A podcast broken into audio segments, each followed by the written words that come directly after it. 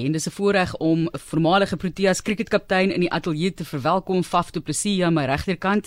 Gesondheid op ons 85 jaar Faf en op die boek waaroor ons gaan gesels vandag. Hy word gesien as een van die beste veldwerkers en alle formaatkolwers van sy era. Hy is een van die eerste internasionale kapteine wat Australië in Australië in al drie formate van die spel gewen het. In 2016 het hy ook die eerste en enigste internasionale kaptein geword wat Australië met 5-0 verslaan het in 'n reeks van 5 wedstryde. In sy eerste honderdtal in November 2012 teen Australië met sy debuut aangeteken nogal in Du Plessis se toetsprestasie in 2012. Sy Adelaide toets word gesien as die beste toetskolfprestasie deur enige kolwer op Australiese bodem sedert die jaar 2000 wat dit die beste van die 21ste eeu toetsprestasie in Australië maak. Vandag 'n toppresteerder natuurlik ook in die IPL toernooi. Ons verwelkom die nommer 18 in die ateljee. Is dit nog steeds 18? Sjoe, daar is 'n uh, introduction. Ek moet meer van jou ehm um, saam met my vat vir ons waar ek gaan, so, maar baie dankie. Ons gaan nou nou oor die ernstige goed begin praat. Nie dat daai nie ernstig was nie, maar hoekom nommer 18 te loop? Nommer 18 ehm um, is ek is nog altyd nommer 13 gewees. Ehm um, en toe ek eers my wedstryd vir Suid-Afrika gespeel het, toe was nommer 13 klaar gevat deur Robin Petersen. So toe weet ek nie regtig wat om te doen met nommer nie want almal praat van hoe belangrik dit is om 'n nommer wat jy kies. En toe sê ek soos okay wel vandag is die 18de Januarie, so kom ek kies maar die 18de. O, oh, so so dit was maar in die oomblik. Dit was maar gryp, op ja, dis maar die dag omdat dit so 'n uh, occasion is vir jou, ja. jou eerste dag wat jy vir Suid-Afrika speel was regtig vir my 'n droom wat waar geword het. So die dag baie special. So dit beteken die nommer beteken ten minste iets wat belangrik is. Onthou jy nog baie van daardie groot groot tellings wat aangeteken is op 'n debuut honderdtal? Daai oomblik. Kan jy nog daai gevoel onthou? Ek onthou spesifiek daai toets, uh, daai eerste toets wat ek gespeel het want uh, Australië, die land en wanneer enige Suid-Afrikaner, enige ou wat jy sê daar sit 2 in die oggend en jy kyk die toetswedstryde. Australië Suid-Afrika is hierdie groot rivalry wat nog altyd daar is. So ek onthou alles wat ek deurgegaan het daai dag van wat ek sit in die kleedkamer waar ek verskriklik nervus was vir die game en dan gaan ek uit om te bid en ek val amper op my eie voete en hoe die Aussies almal my sê hoe oulik like my pads en die mooiste woorde wat ek nog nooit gehoor het nie. En dan op die veld loop en dan sê ek vir myself, okay, alles het nou verkeerd gegaan, maar al wat kan nou gebeur is dit kan beter gaan. En toe stap ek uit en toe ja, die res is obviously wat jy nou net gelees het, maar incredible dag. Ehm um, krampe, ek het vir 8 ure gebed. Ek het nog nooit in my lewe vir 8 ure gebed nie. So daai was net 'n amazing dag in my karier. Ja, dit is 10 jaar gelede in 2012 nê. So is dit 'n kade wat jy cricket speel en jy steeds besig daarmee besig met die IPL reeks en ons is gelukkig om jou hier in die ateljee te hê met jou outobiografie uh Through Fire en uh, jou jy het ook 'n spookskrywer gehad um, uh, Marco Botha wat ook baie lief is vir sport. So mm. lekker kombinasie om mee saam te werk nê dan hoef jy nie al die skryfwerk te doen nie want ek wil nou by jou akademie kom. Dit lyk my jy was nie so fliks op skool met daai sy van skool nie. Uh, baie dankie Johan. Jy was lekker om hier te wees. Ja Marco is amazing. Ek dink die proses van die skrywer vir my was 'n baie belangrike proses geweest want daar was al voorheen in my loopbaan waar mense my gevra het oor 'n boek of ek 'n boek wil skryf en ek het nie regtig die behoefte gehad om dit te doen nie. Maar toe kom COVID en ek sien die proses van waar ek nie kan cricket speel nie en ek se cricket speler en ek wil so graag net soos almal jy wat jy doen kon jy nie meer doen nie. En toe sê ek ook ek gaan um hierdie boek ding ietsie gee en dan gaan kyk of ek dit maar alles kan gee. En ek het gesit tot 2 in die oggende en notes maak en skryf en skryf en skryf en toe sê ek vir my vrou hierdie is nou te veel werk op papier. Ek moet hier nou hierdie begin op komputer sit want as as hierdie boekies afbrand of iemand steel dit ek soek dit in die cloud. Al die goeders moet nou opgaan.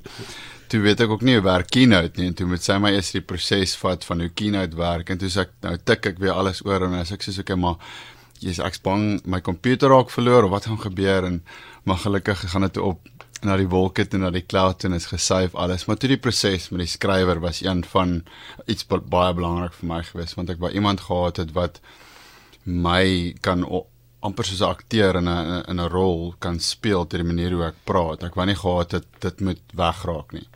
As jy die boek lees moet jy weet dit is ek wat dit sê. So hy Marco het omtrent Faf Du Plessis geword in die proses van die laaste 2 jaar en hy's 'n great ou um great skrywer. Ek dink hy het 'n amazing job gedoen met die boek. Ek dink ook so. Ek het um, dit deurgegaan en ek moet vir jou sê jy ontbloot jouself. Um jy sit 'n paar debatte op die tafel, ehm um, in die Suid-Afrikaanse konteks ook waarin jy cricket gespeel het, inmenging en al die tipe dinge. Maar hulle sê 'n kind begin onthou van 3 jaar.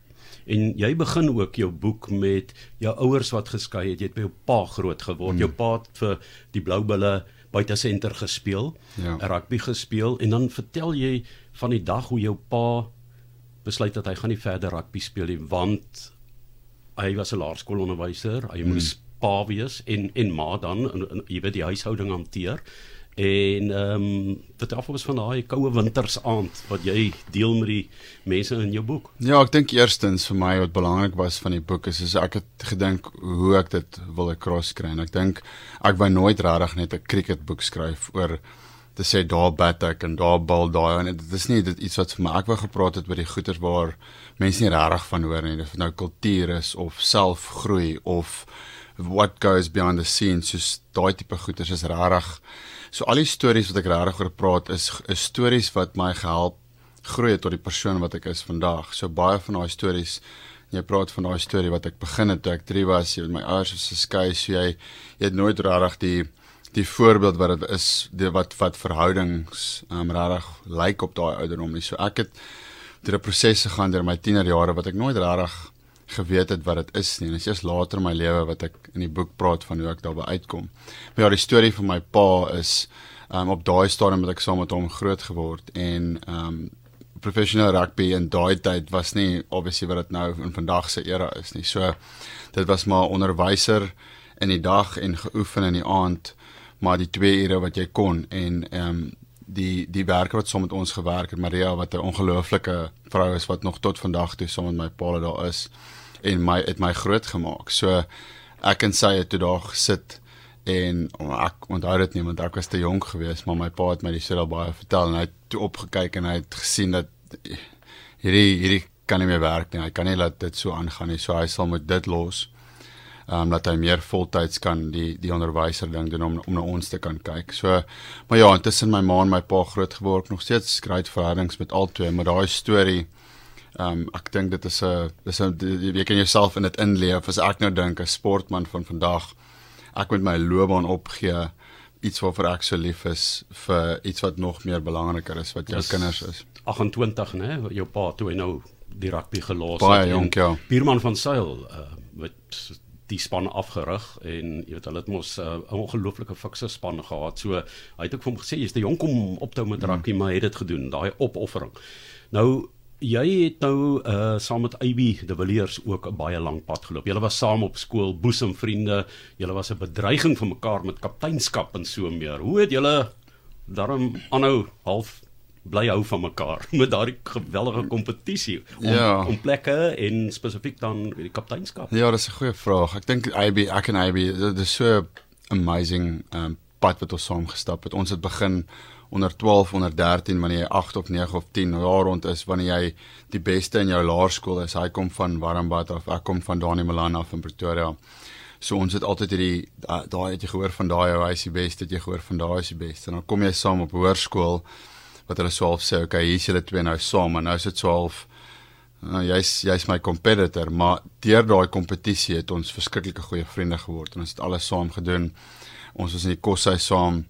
Ehm um, ons was roommates gewees. Ek praat in die boek van ek wat Ubisoft bietjie um, wegvat van sy huiswerk af en dan die volgende dag sy hy sy tas in die middel opsit want ek wou hom afskryf. Jy wou krip. Ja, ek wou ek wou alles doen. Ek het nie geleer nie, so ek het alles gekort.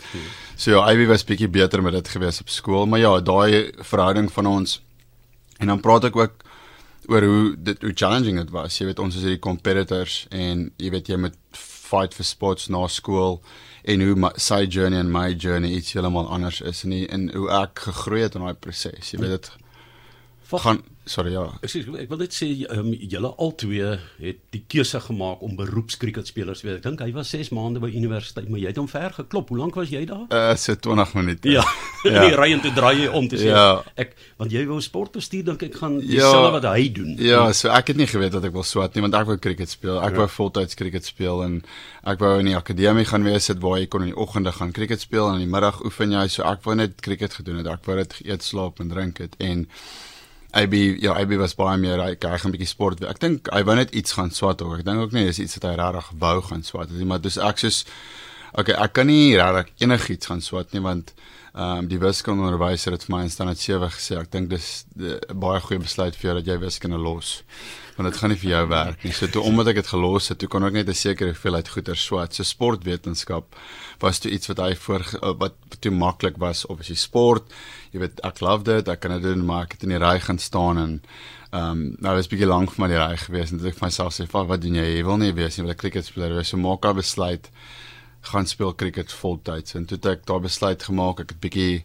oor see ook gaan speel. En faf om hierdie tipe van goed te deel is nie maklik nie om te gaan en te sê goed ek gaan iets deel wat baie omstredenheid na vore gaan gaan bring. Reg of verkeerd hoe hanteer jy omstredenheid in die algemeen? Ek weet jy, jy praat nou hier van 'n lang loopbaan met baie omstredenheid. Enige sportster dink ek ervaar omstredenheid in sy loopbaan. Al is jy nou hoe perfek en hoe hoofseun ook al maar hoe hanteer jy dit by die huis Ja, dit om my woord eh, daarso wat ek gesien het op jou skerm is actually 'n woord wat ek gebruik het nie, maar ek het gesien dat dit gebruik in die koerant, maar ja, ek praat van verskillende stories wat my gemaak het wie ek is vandag. En dan ja, om omstredenheid is die regte woord. Ek moet net seker maak ek kry dit reg. Ja, dis dis dis challenges, nee, ja. Ek dink so. hoe jy self omstredenheid oor jare hanteer het, veral as jy nou by die huis kom met geliefdes yes. en familie. Jy weet ja, hoe werk jy dit self, daai stres? Hoe slaap jy snags? So ek dink met professionele sport is dis dis dis baie moeilik. Jy kry baie van dit van is druk. Jy's altyd in die limelight. So mens leer om sterker te word, maar jy kry jy kry 'n dikker vel. Ehm um, in die begin is dit moeilik. Ek onthou die eerste keer toe ek wêreldbeker was, ehm um, en jy kyk na jou foon en jy kyk na Twitter, dan voel dit asof jy nie meer wil lewe nie, want dis al die slegte goed wat jy van jouself lees. Maar dan met tyd raak jy sterk. Ehm um, jy bou vir jou um boundaries as ek dit kan sê om seker te maak jy jy jy protect yourself bietjie. En dan in die konteks van sport jy jy vra vir hulp. So jy jy kry mense in die span wie alsof om jou kan wees. Vir altyd ek kaptein was dit ek regtig geniet om eens om my te gehad op wie ek kon leen want jy het nodig. Want as 'n eensame 'n uh, uh, 'n job as ek kan sê om om kaptein te wees want jy deel nogal met baie goeters so dit het my gehelp En dan 'n paar mental goeters ook wat baie belangrik is in professionele sport is, is hoe jy met jouself praat. Ehm um, ek dink daai is baie belangrik want as jy jy faal so baie in cricket dat as jy begin praat asof jy faal dan dan gaan jy moeilik verder gaan. So ek dink mens het 'n baie sterk kop nodig om saam met die dik vel lank in ons bedryf te kan survive dis my ook interessant dat jy klem lê op sagte vaardighede en dat jy sê dit 'n groot probleem is juis in hierdie uh, loopbaan van jou die gebrek daaraan daai ondersteuning wat nie altyd daar is jy moet dit gaan soek het en dat ehm um, instansies soos Cricket SA ehm um, sal moet kyk daarna om die geestelike uh, welsyn van hulle spelers ook te koester en geld te spandeer daarop. Hmm, ja, ek dink ehm um, wat dit kom, ek dink vir afval is mans. Ek dink dis 'n dis 'n ding waar almal almal dink altyd as jy sê jy jy gaan deur iets dan dan kom jy voor 'n sag. Um, ek dink dis 'n dis dis waarvoor mans is bang om daaroor te praat. So dis glad nie vir my nie. Ek sien dit as 'n is 'n sterk punt. As jy kan deel hoe jy voel, kan dit mense help om presies te weet wat aangaan. So ek dink dis maar net 'n kommunikasie ding, hoe goed jy met mense daar kan praat en dan mense voel hulle kan dit trust want as hulle voel hulle kan hulle self wees voor jou en altyd sê presies deur wat hulle gaan dan is dit so half op hierdie journey wat jy saam met hulle gaan en ek dink dit is baie belangrik vir leierskap. En dit ek ek sal nie sê dis net 'n ehm um, cricket ding nie of net 'n cricket Suid-Afrika ding nie. Ek dink oral waar ek al was, praat mense altyd van hoe goed kommunikeer jy met jou peers of hoe goed doen jy nie en ek dink dit is iets wat ons almal kan beter doen want enige relationship gaan oor goeie kommunikasie. Of jy kry dit reg en jy het 'n goeie relationship of jy kry dit nie reg nie. As ek met my vrou vir 3 weke nie praat nie, dan kry ek my relationship nie reg nie. Het dit al gebeur? Jy dit sien in die boekie. Kom praat geoor daai drie skandale. Ons het nou nie ons kan nie volledig die mense kan dit gaan lees, maar dit is bitter interessant. Dis die ritsluiter, hmm. die zip skandaal en dan het ons die sandpapier en dan het ons die peppermints, die mint yes. mintgate, né? Yes. Jy het so drie gates gemaak en so. Ja, dis amazing dat dit drie gates geword het. Ek bedoel dit was nooit ek het dit net gebeur, maar e-, heel eerste was die Zipgate geweest wat ek vroeg in my carrière wat ek self deur iets gegaan het wat ek 'n fout gemaak het wat baie sleg op my opgeëindig het en ek het daai na daai dag besluit dat ek wil nie weer die balans van goed en verkeerd verkeerd kry nie. Ek wou dit reg gekry het van daar af. So daar was 'n 'n belangrike punt in my eie lewe om as ook um layer moving forward. en toe Mintgate en Ek wil net sê jy jy het die bal gevat en dan die rits gebruik om die bal se Yes. tekstuur te verander. Ja, yes, so yes. dis dis obviously reverse swing is 'n Ja. groot ding in cricket. Jy wil die bal draai, kry om reverse te swing. So daar's altyd hierdie proses van uh, jy weet almal in die wêreld draai kyk hoe, om dit reg te kry. So of jy nou die bal op die pitch gooi om hom te hop om grof te maak of jy weet ouens het al 'n bal gebyt, ouens het al hulle spikes gebruik, uh, skuurpapier, um, zips, whatever jy kan gebruik om die bal uit te maak. Is maar net hoe om daai ander deel rof te maak. Ja, Want die een kant, né? die nie die blink kant nie, die ander Ja, kant. die ander kant, As ja. jy die ander kant rof kry, dan gaan die bal die ander kant toe as wat hy suppose om te gaan. So dis baie moeilik om teen te bat. So dit is iets wat al baie lank deel van cricket is. Dink die kameras is deesdae net so goed dat jy baie baie moeilik nou wegkom. So almal ja, so fast forward nou na Mintgate toe wat iets anders is. Dit is as jy die bal nou ehm um, skyn. Jy wil hom glad hou, jy wil hom laat blink hou. So wat ons dan doen, ons almal sit of jelly babies of mints of wat whatever in jou mond kan sit om die bal suiker te gee want die suiker maak 'n laag om die bal glad te kry. En hoe gladder die bal is aan een kant, hoe meer swaai deur die lug. So daai was nie regtig op daai tyd in in in ons um understanding regtig iets wat verkeerd was nie. Om die bal te skyn is altyd nog deel van die wedstryd en almal sit altyd chappies in hulle monde en en ek was toe daai game in Australië. Um het hulle my toe 'n foto gekry van wat ek met die uh, soos my twee vingers op my tong met die munt aan die agterkant. Um en ons het gedink dit was 'n bietjie van 'n April Fool's joke want ons het dog soos ons het net vir Australië gewen, die umpires het niks gesê nie. En toe die volgende dag in die koerant is dit die massive ding. Suid-Afrikaanse kaptein gevang cheat en ons is soos hier is nie regtig iets nie.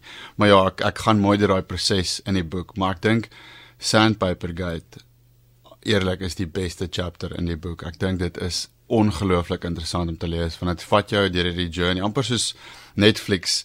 Daar's humor, daar's aksie, daar's drama, daar's so baie wat gebeur het in daai serie. So ek dink regtig ek wil nie te veel weggee van hom nie, maar daar is 'n baie baie goeie chapter in die boek. Ek dink ook in die siege van Suid-Afrikaanse cricketliefhebbers en toeskouers is is dit beslis 'n waterskeiding moment gewees in internasionale cricket. Ons ons moet begin saamvat vaf ons uh, T20 span vanoggend, um, Riley Rousseau se Sure. 100-tal. So amazing. Yes, hy het bat so goed op die oomblik. Hy het nou 200 gekry in die laaste paar innings wat hy gespeel het. Ek dink regtig ons span wat ons daar het is een van ons beste spanne wat ons al by 'n wêreldbeker gehaal het. Veral omdat die span is wat ons het in Australië. Ons het vinnige bowlers, Norke, Rabada, hulle bal verskriklik goed, Lungingiri, ehm um, Marco Jansen en dan het ons twee baie goeie spinners, um, en Shamsi en, en Keshav Maharaj en 'n baie sterk batting line-up. So ek's baie positief dat ons ver gaan gaan. Die reën nou die dag was nie great nie. Dit was bietjie unlucky maar ons verhouding met reën en wêreldbekers is yes. maar nie is nie 'n goeie een nie. Maar ja, ek glo ons na vandag gaan ons moeilik wees om te stop. En hulle moet leer uit ander se foute ook, né? Die uithardloop van Ivy byvoorbeeld. Nee, Ja. vaf jy het dit bloed. Jy Ja. jy daai nag seker nog 'n koue sweet uit, maar dit gebeur. Cricket is mos nou so 'n tipe spel. Ja. Maar ehm um, ek wil jou baie geluk sê weer eens met Through Fire. Dis Faf du Plessis wat hier by ons gekuier het. Ehm um, hy speel nog steeds hy speel in Indië jou cricket op die Ja. oomblik fanatiese toeskouers daar. Ander kultuur. Ja, ja, ek's baie gelukkig. Ek speel op die oomblik ek's op 5 toernooie, so jy swaal reg oor die wêreld en waar jy jou cricket nou speel. So ja, ek wil nog ek's nog nie ek voel ek's nog nie naby aan die einde nie. Ek voel ek het nog redelik baie om te gee, maar die IPL is is obviously die groot een. Jy weet al die beste cricketspelers in die wêreld almal speel in daai liga. Um jy weet 100 000 mense kom kyk by baie van die wedstryde. Dis jy kan nie iemand hoor nie as jy saam met iemand bat en hy roep wat tussen die paltjies. Jy het absoluut geen kans om te hoor wat hy sê nie. Jy moet maar net kyk wat sy lyf doen. Ivy kan bly wees hy hardloop nie saam met jou daar nie. maar maar is ongelooflik en jy het 'n ongelooflike bydrae gelewer um, vir Suid-Afrikaanse cricket jou eerlikheid en hoe jy die kartetse moes afweer uh, nie net wat na jou geboule is nie, maar ook die omstredenheid wat rondom sekere insidente um, ontstaan het en wel gedaan en en sukses met die res van jou loopbaan. Toe ek laas met jou gepraat het, was dit by die chef Nick van Wyk, toe jy twee poedeltjies gehad. En jy was baie die hondjies was vir jou in daai Ja. stadium soos kindertjies, man. Ja. Tussen het jy nou kindertjies bygekry. Ja, nee, dit is worsies geweest. Ons het twee worsies en 'n en 'n French bulldog, maar hulle was ons kinders gewees op daai stadium en ek het vir my ek sien van daai mense wat gesê het as kinders eendag kom, gaan ek gaan my honde net so belangrik wees soos my kinders. En die dag toe my kinders kom, dis ek sê ek weet nie hoe kan ek by albei uitkom nie want jou kinders vat so baie van jou tyd. So my vrou, ons sit ons sit baie keer in die aand en dan sê ons ons het nog nie eens actually vandag ons honde 'n drukkie gegee nie. So ons voel altyd 'n bietjie sleg dat ons nie die aandag aan hulle gee wat ons daai tyd kon gegee het nie. Maar ja, ons twee dogtertjies is is alles in my lewe. Ek is die pa wat hulle alles mee gaan regkry. My my vrou gaan die die dissiplinêre moet wees want hulle het my maklik om hulle om hulle punkie daar. 2 en 5 jaar, né? Ja, hulle is 2 en 5. Ja, Amelie en Zoe.